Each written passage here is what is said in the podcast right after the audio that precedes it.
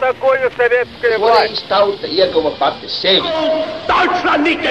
Liktenīgas nejaušības un slēptas likumsakarības, subjektīvas patiesības un objektīvi aizspriedumi.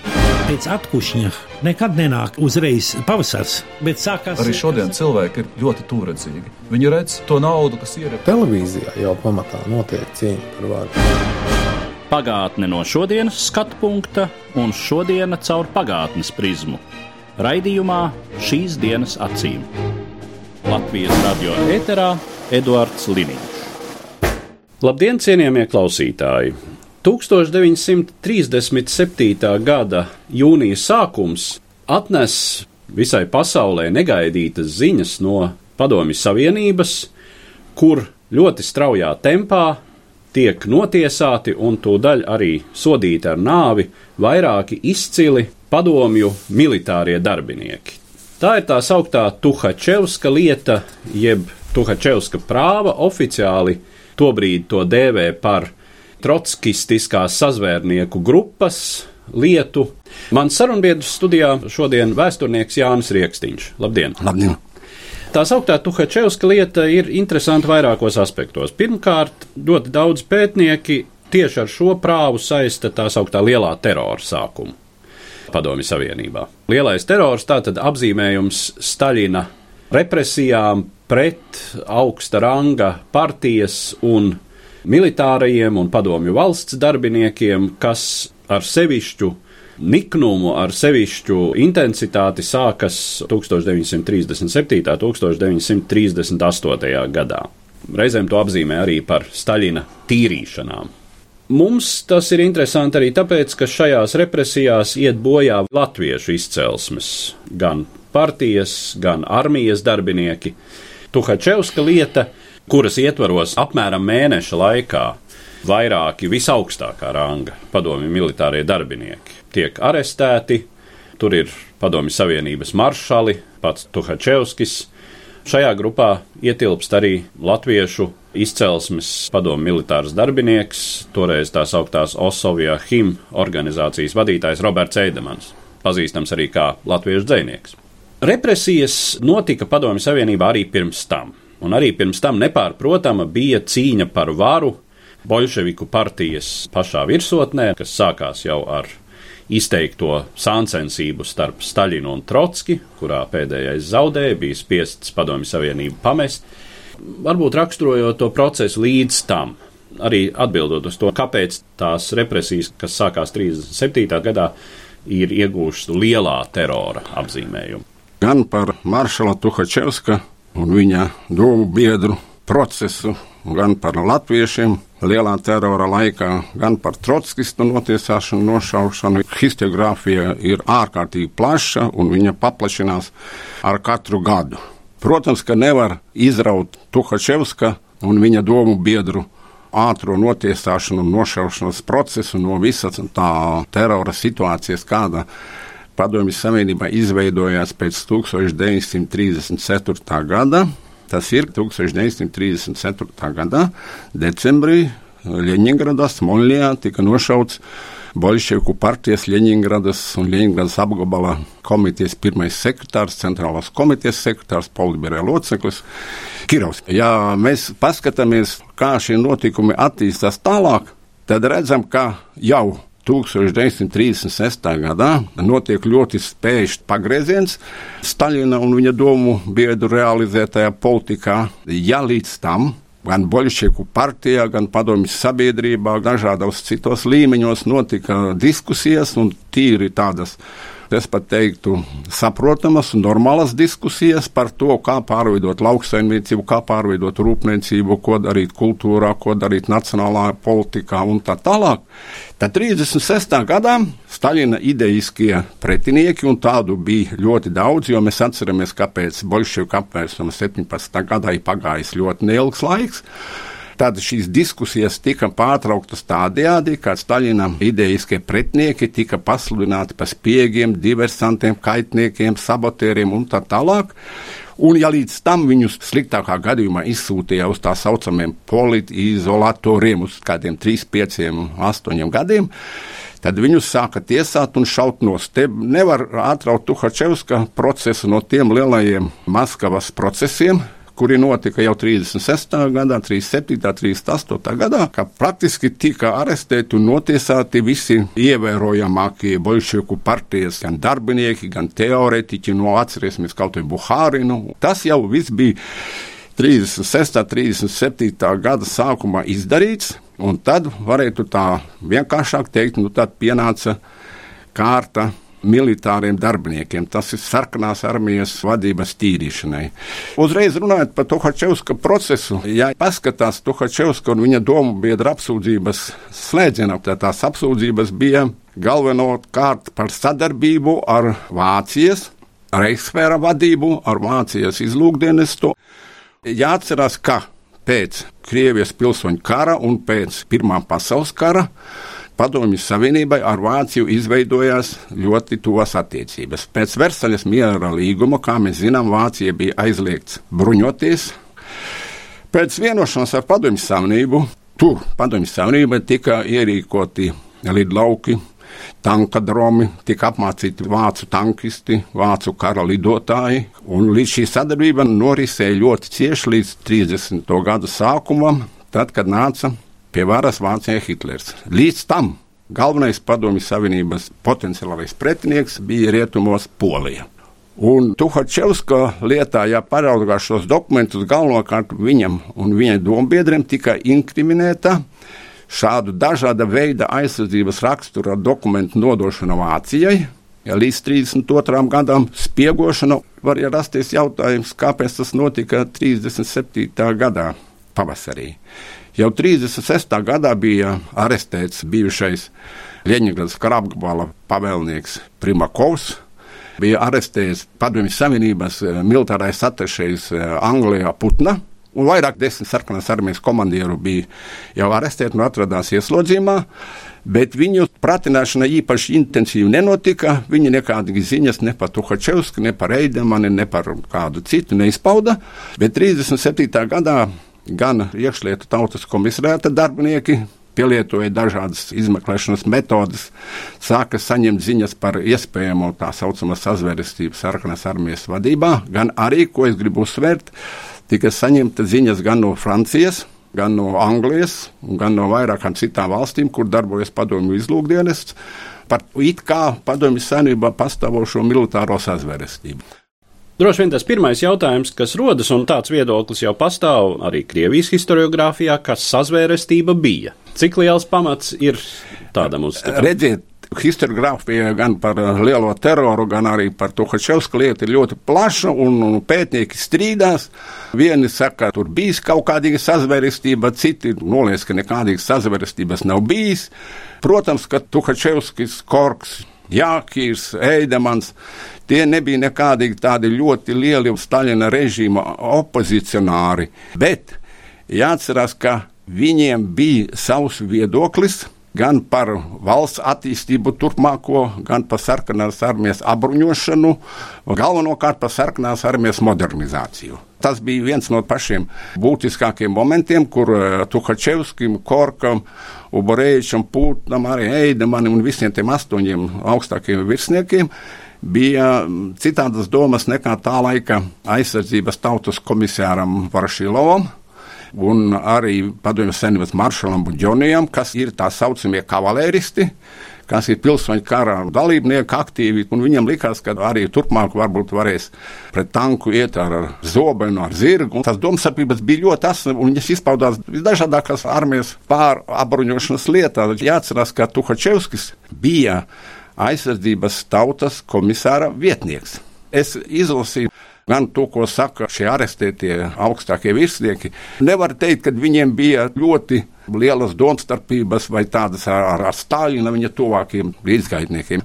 Bet neapmierināti ar to, kas notika tajā laikā, šajās režīma augstākās virsotnēs, viņiem bija. Protams, tās ir muļķības, ja viņiem inkriminē to, ka viņi mēģināja rīkot terora aktus un tam līdzīgi. Ja paskatās 37. gada arestēto lietas, arī tajā skaitā latviešu, tur jau bija tāds štampi, spiegošana, pēc tam sabotāžu, terora akti un tā tālāk. Bet es domāju, ka Viņa bija spēcīga militāra opozīcija tam režīmam un tam laikam, kas notika ar valsti, un tā skaitā arī ar aizsardzības problēmām.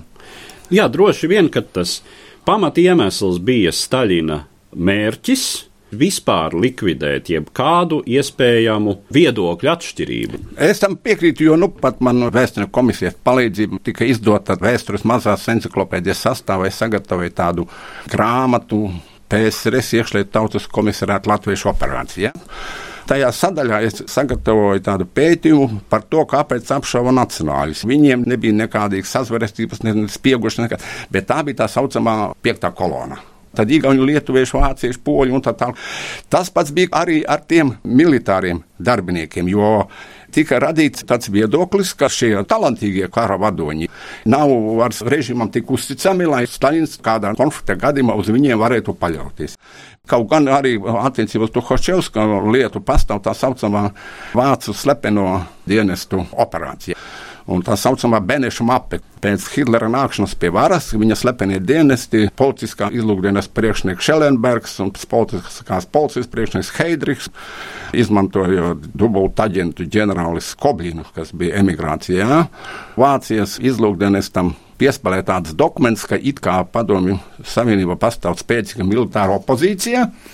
Šie vācu pēcdienesti izmantojot to, ka savā laikā Vācijai padomju savienībā attiecības bija ļoti ciešas un daudzi sarkanās armijas komandieri, tā skaitā arī latvieši, Žanis Zonbergs, korpusa komandieris un daudz citu mācījās vācu dažādās militārās iestādēs, tā skaitā Vācijas ģenerālštaba akadēmijā. Mācoties šajos militārās iestādēs, Tur palika viņu dažādi dokumenti, nu, nu lekciju pieraksti vai taktiski, nu, vienalga tādi. Heidrichs, politiskās policijas priekšnieks, saskaņot ar Hitleru, inscenēja ielaušanos šajos vācu slepenā dienesta arhīvos, un no turienes tos dokumentus izzaga.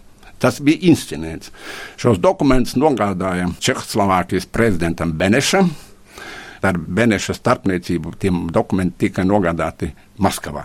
Ilgu laiku šī versija pastāvēja, un viņa vēl šodien pastāv, ka Vācijas vadība, Vācijas pēcdienesti ir izgudrojuši tādu ļoti spēcīgu operāciju, lai sagrautu Padomju Savienībā sarkanās armijas spēcīgākos, talantīgākos militāros kadrus tā varētu būt, jo mēs zinām, ka tajā laikā bija iznākusi Hitlera grāmata Mein Kampf, un, ja kāds lasīs Mein Kampf, tad zina, kāda bija tā politika Hitleram uz austrumiem, ka tas karš jau bija agrāk vai vēlāk nenovēršams. Tā tas varētu būt. Dažādas spēcīgas militārās kombinācijas pastāvēja un pastāv un pastāvēs droši vien ilgi, bet tajos materiālos, kuriem šodien vēsturniekiem ir pieejami, nekur nekādas Beneša mapes nefigurē. Kaut gan es pieņemu, ka arī šodien vēsturniekiem visi šie dokumenti nav pieejami. Tagad gan ir daudz vēsturnieku, tā skaitā arī Jūlija Kantora, kas ir uzrakstījis ļoti labu grāmatu par Tuhačevsku, un nopublicēti ir um, Tuhačevska apsūdzības slēdziens, pratināšanas protokoli, bet es pieņemu, ka tie nav visi, jo nav jau nekas, piemēram, publicēts par Eidemanu. Skatoties tādā plašā vēsturiskā kontekstā uz Staļinu kā uz autoritāru valdnieku, šajā gadījumā es uzsveru valdnieku, Tad eh, tālāk vēsturē pagājušos laikos eh, jau valdnieka vēlme padarīt savu valsti monolītu no visiem viedokļiem. Tas bija tāds ļoti pašsaprotams un jebkurām represīvām darbībām loģisks moments. Nu, ja mēs atceramies, kāpēc, teiksim, Spānijas karaļnams izsūtīja no savas valsts, piemēram, ebrejus, vai kāpēc Luīs 14. izsūtīja hugenotus kā ne tik daudz varbūt pat baidoties no tā, ka viņi varētu būt sazvērnieki, bet valstī ir jābūt monolītai, valstī ir jābūt vienotai. Toreiz bija šis ticības moments. Šeit ir divi tādi ļoti svarīgi momenti. Es nedomāju, personalizēt nevienu tādu politisko represiju gadījumu vai kādu atsevišķu varbūt, cilvēku. Nu, protams, Staļina personība bija atsevišķs jautājums, viņa raksturs un diktatoriskās vēlmes, bet lieta ir tāda, ka Pēc tam, kad tika arestēts un nošauts bijušais čekas priekšnieks Jāgoda un ielikts iežaus, viņš teica, ka valsts apvienotā politiskā pārvalde ienaidnieku graušanai nokavējusi par pieciem gadiem. Bet arī paraugoties uz to Tuhačevska prāvu, katru Tuhačevska, Eidimaņa, Korka, Primakova, Feldmaņa vai kādu tur pratināšanas protokolu tajā pašā dienā Ježovs vai uh, augstākās tiesas kara kolēģis priekšnieks Ulrichs bija tāds vācietis no Rīgas. Tajā pašā dienā viņi nogādāja Staļinam uz galda. Un Staļinam tās kaudzītes krājas, krājas, krājas, krājas, krājas. Visi šie pratināšanas protokoli, gan Tuhačevska prāvā, gan nākošās prāvās, Staļins viņas tur izlasīja un liks raksta savas rezolūcijas. Tu ķeksi, tu vēl tur krustiņu, viņam bija tāds nedziņas. Tajā pašā laikā ir jau arī druskuļi, varbūt jāpanalizē šie paši cilvēki, kas viņi bija tad, kad viņi atradās armiju priekšgalā, kad viņi atradās korpusu priekšgalā, divīziju priekšgalā, un kā viņi uzvedās tad, kad viņi apcietināti bija. Es esmu ļoti rūpīgi izpētījis Robertu Eidemanu. Viņu pēc aresta ļoti smagi nodauzīja, kad viņš īsti nesaprata, kur viņš atrodas un kas viņam notiek. Tie, kas bija tādi runātīgi, tos varbūt mazāk daudzīja. Bet tajā pašā laikā Jakirs Kievas kara apgabala pavēlnieks raksta Staļinam tādu nožēlas pilnu vēstuli, kad viņš piedod, kad es tur tā un tā. Un, un Staļins uzrakstīja drāņķis un prostitūte tādu rezolūciju. Kaganovičs vai kāds uzrakstīja vēl rupjā kaut ko, un tā viss tas arhīvā palika. Un es domāju arī par Tuhačevski. Nu, Tuhačevski man jau ir tie atzīšanās protokoli, ko viņš tur raksta. 20. maijā viņa arestēja un 11. un 12. viņa nošāva. Bet tie protokoli saglabājušies. Ir jau arī ļoti interesanti, ka mūsu tautieši viens otrs ir turējies tā kā vīrs, jo tajā pašā Tuhačevska prāvā jautājums ir piemēram tā, ja tur bija arestēti jau kādi 100, 200 sarkanās armijas komandieri, kāpēc no viņiem izvēlējies tiesāt astoņus. Reizi ar eh, Robertu Eidemanu un Tuhačevski arestēja sarkanās armijas militāro pārvadājumu pārvaldes priekšnieku Ernestu Apogu. Ļoti instants cilvēks. Nu, viņus pratināja, un viņš nestāstīja, jo viņam nebija ko stāstīt, ko atzīties. Staļins uz tā apogas protokola uzraksts Ježovam, nu, Ježovs bija iekšējais tautas komisārs. Es teikšu, krieviski, pēc tam mēs iztulkosim. Daprasīt apogu krepkā, tas ir nopratināt apogu stingri. Nu, pēc tās stingrās nopratināšanas apogu atzinās visādākos grēkos, iepriekš izmeklēšanā, pēc tam augstākās tiesas kara kolēģija no atzīšanās noliedza un viņu nošāva. Ļoti pamatīgi ir jāanalizē tie dokumenti, kāpēc, jo lasu Tuhačevskam, un viņš tur saka, ka nu, viņš ir izveidojis tā saucamo militāri trotskisko bloku 32. gadā ar mērķi gāzt pastāvošo iekārtu un atjaunot kapitālismu, kas ir muļķības, protams. Ja paskatāmies, visi šie paši astoņi, tie visi ir pilsoņu kara aktīvie dalībnieki. Zinām, kas ir Tuhačevskis un Putna un tā tālāk, kad viņi tur būtu domājuši par kapitālismu atjaunošanu. Protams, tas ir muļķības. Jā, un kas vēl šeit ir svarīgi, tās izmeklēšanas metodes. Mājā šos astoņus cilvēkus arestē Putna un Primakovs arestēti 36. gadā. Un tad 1937. gadā no 1. līdz 6. jūnijam notiek tā saucamās kara padomes sēde.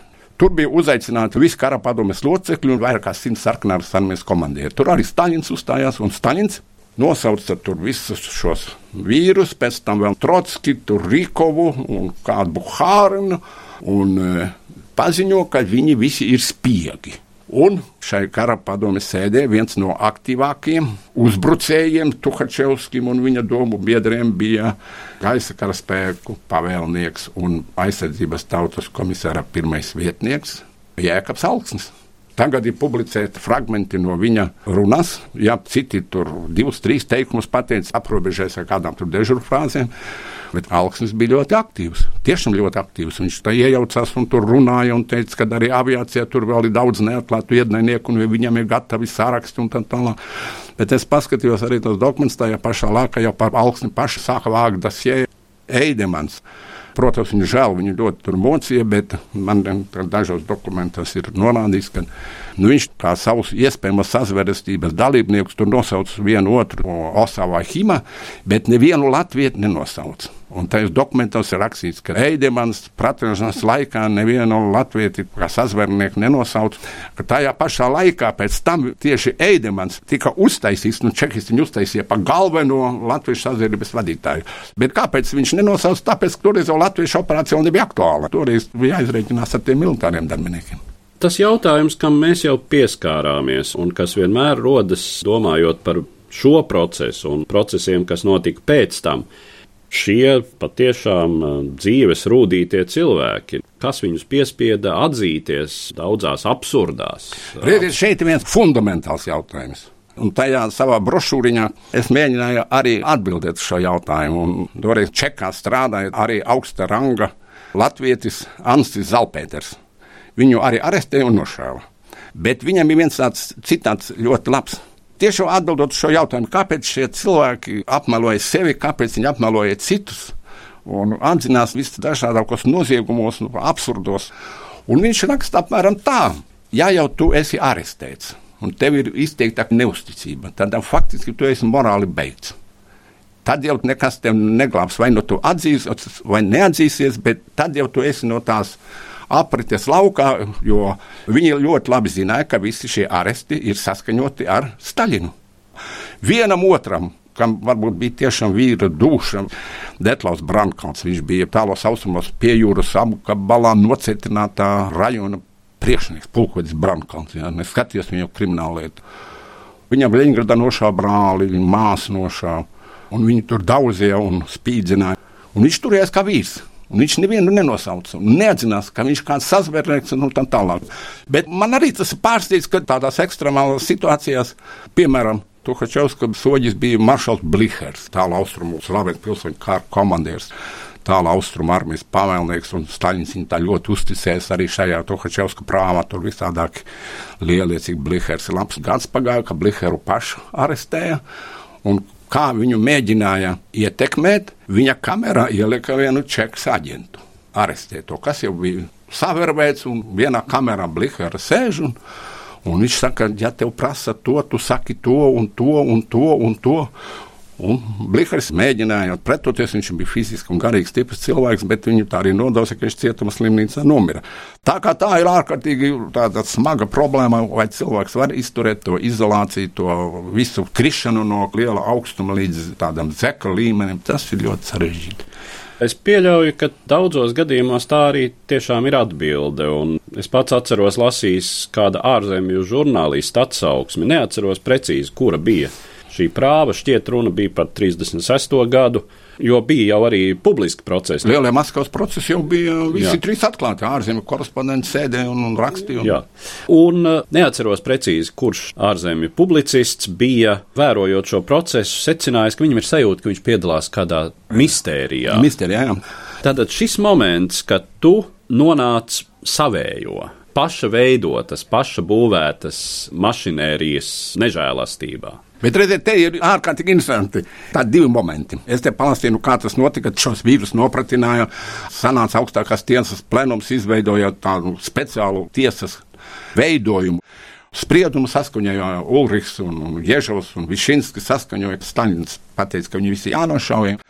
Bet tajā pašā laikā izrādās, ka katrs izmeklētājs arī gāja uz to tiesu sēdēja ar viņiem kopā un skatījās, lai viņš noteikti runā to, ko mēs tev esam teikuši, un tur atzīsties, tad spriedums var būt labvēlīgs. Tā bija ārkārtīgi demagoģija, ko ļoti izmantoja. Bet citā pateica, nu, ja tu atzīsies, mēs tev aizsūtīsim uz Spāniju, Republikānisko Spāniju, kur notika pilsoņu karš. Ja tu atzīsies, mēs tevi aizsūtīsim uz kādu gulāgu nometni uz kādiem pieciem, sešiem gadiem. Kaut jau zināms, ka spriedums ir sagatavots, tā ir vesela izpētes tēma un ļoti prasmīgi un demagoģiski. Jo tie vīri, kas nāca pēc tam, kad to saucamo Jāgodas klanu aizvāca, nāca jaunieti, piemēram, Tuhačevska prāvā, tā saucamais Ušakovs, kas prāta neēda man Tuhačevska un daudz cits. Tie bija īsti sadisti un viņi zināja, kā tās liecības dabūt, kā viņas izsist, kā viņas noformulēt. Bieži vien tur ir tā, ka varbūt pirmā rinda ir tā paša pratinātā teiktā, varbūt kā pēdējā, bet pārējais jau ir izmeklētāja sataisītais, kas ir vajadzīgs. Tagad avīzēs citētu Snaideru, kas ir uzrakstījis pētījumu. Viņš min tos skaitļus par latviešu operācijā nošautajiem. Tuhačevska prāva nošautie astoņi sarkanās armijas augstākie komandieri bija tikai pats, pats sākums tām milzīgām represijām tajā pašā laikā, kad notika tā saucamā kara padome, vai notika visas tās izmeklēšanas. Āresti turpinājās milzīgos apmēros, un tā viņi turpinājās līdz 38. gada beigām, kaut gan arī mūsu aviācijas ģenerālietantu Pumpuru arestēja 41. gada 31. maijā. un nošāva 42. gada 23. februārī. Bet principā viņi turpināja visu 38. gadu. Tā bija tā kā lavīna, tik līdz kādu cilvēku minēja tajās liecībās. Viņi visi bija savā starpā saistīti, tie sarkanās armijas augstākie virsnieki, simtiem un tūkstošiem cilvēku. Tā Vorošilovs tālā vienā ziņojumā teica, ka ir represēta sarkanā armija apmēram 40 tūkstoši. Varbūt nav īsti tur saskaitīti precīzi, varbūt vienotu ar atvaļinājumu nenošāva, bet nu kādi 35 tūkstoši nošauti. Kara sākumā sarkanās armijas atbildīgos posteņos pulkuģa vietā atradās leitnants un ģenerāļa vietā varbūt majors. Tas nostrādāja absolūti precīzi, jo tomēr ir jāņem vērā manā izpratnē, ka daudzi komandieri, arī Tuhačevskis un Eidemans un daudzi citi, viņi ļoti pamatīgi tajos 20, 30 gados mācījās.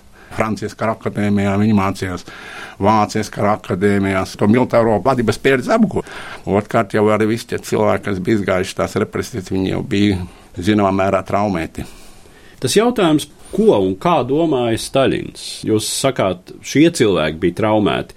Lielā mērā jau tika traumēti arī tie, kuriem izdevās izbēgt no šīm eh, represijām, jo tas jau radīja ārkārtīgu baiļu savstarpējas neusticēšanās, nervozitātes, kā mēs šodien teiktu, stresa situāciju pilnīgi visiem, un diezgan noteikti var teikt, ka tie sarkanās armijas grandiozie zaudējumi padomju vācu kara pirmajos mēnešos droši vien nevar noliegt. Nē, nē, nē, bet droši vien jau nevienu problēmu nevar izraut no konkrētu vēsturiskiem apstākļiem.